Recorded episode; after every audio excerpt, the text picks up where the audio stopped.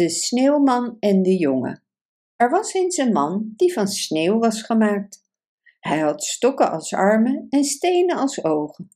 Zijn neus was gemaakt van een ijspegel en zijn mond was een stukje gebogen tak dat aan de uiteinden opkrulde, zodat hij eruit zag alsof hij glimlachte.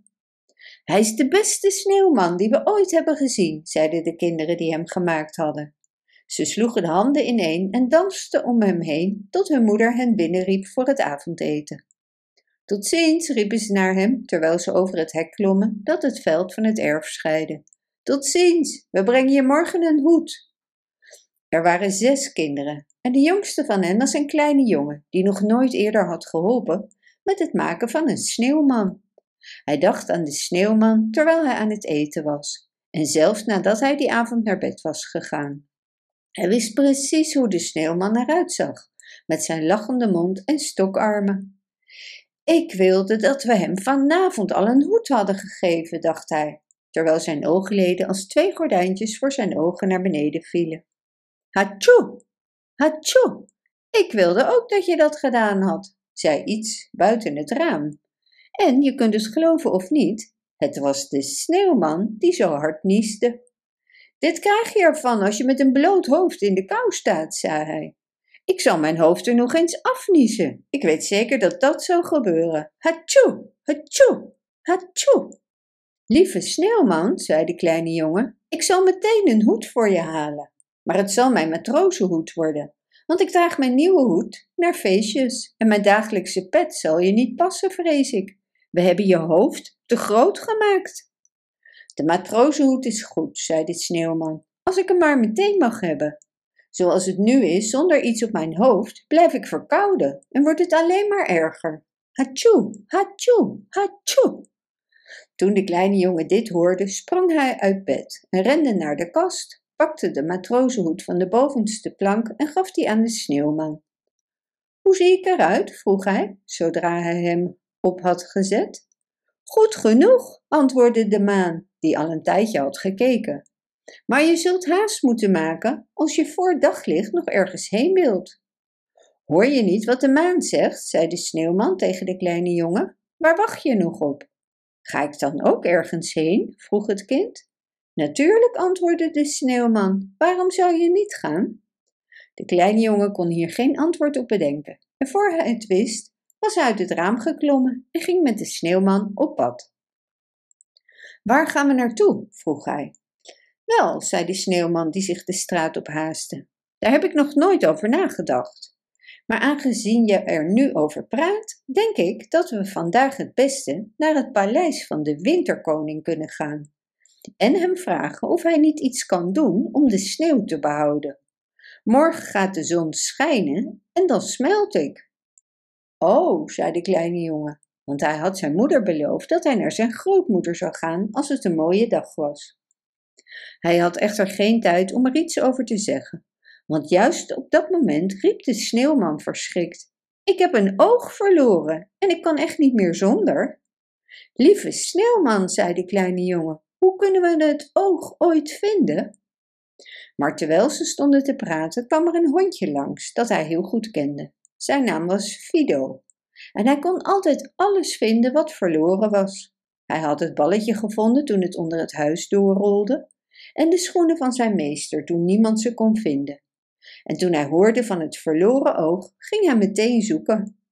Maak je geen zorgen, zei de kleine jongen. Fido zal het vinden.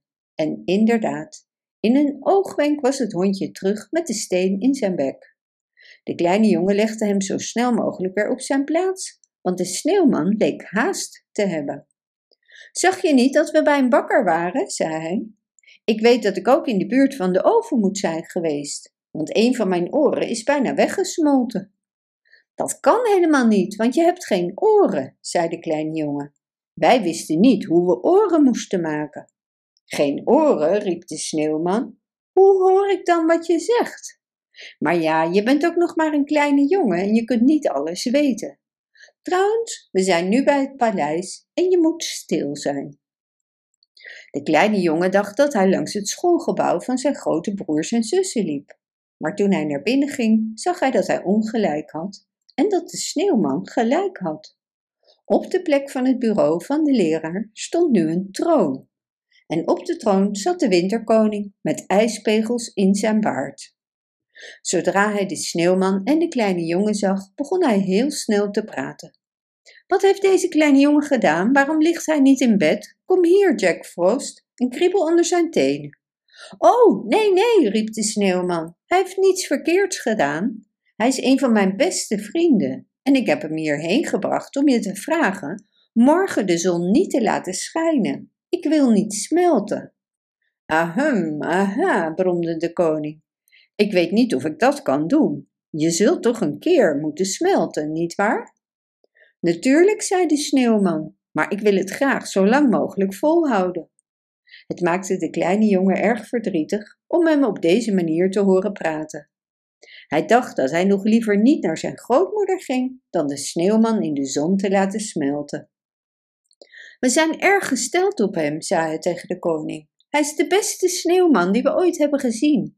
En hij ziet eruit alsof hij glimlacht. Dat doet hij ook, zei de koning, opnieuw naar de sneeuwman kijkend. En aangezien jij het vraagt, zal ik je vertellen wat ik zal doen.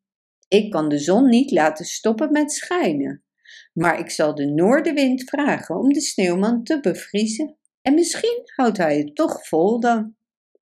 Toen de sneeuwman dit hoorde, begon hij te dansen. En omdat de kleine jongen een van zijn stokarmen vasthield, moest hij ook dansen. Samen dansten ze het paleis van de winterkoning uit, door de straten het veld in, waar de noordenwind op hen wachtte. Het eerste wat hij deed was de hoed van het hoofd van de sneeuwman blazen. Hatsjoe, hatsjoe, nieste de sneeuwman.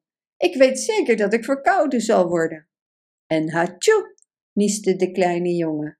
En hij nieste zo hard dat hij er zelf wakker van werd. Want, je kunt het geloven of niet, hij had de hele tijd geslapen en alles gedroomd. Maar een deel van zijn droom kwam uit, want toen hij de volgende ochtend uit het raam keek, stond de sneeuwman er nog en hij was hard bevroren. Bedankt voor het luisteren. Wist je dat je dit verhaal ook op onze website ririro.com/nl kunt lezen, downloaden en printen?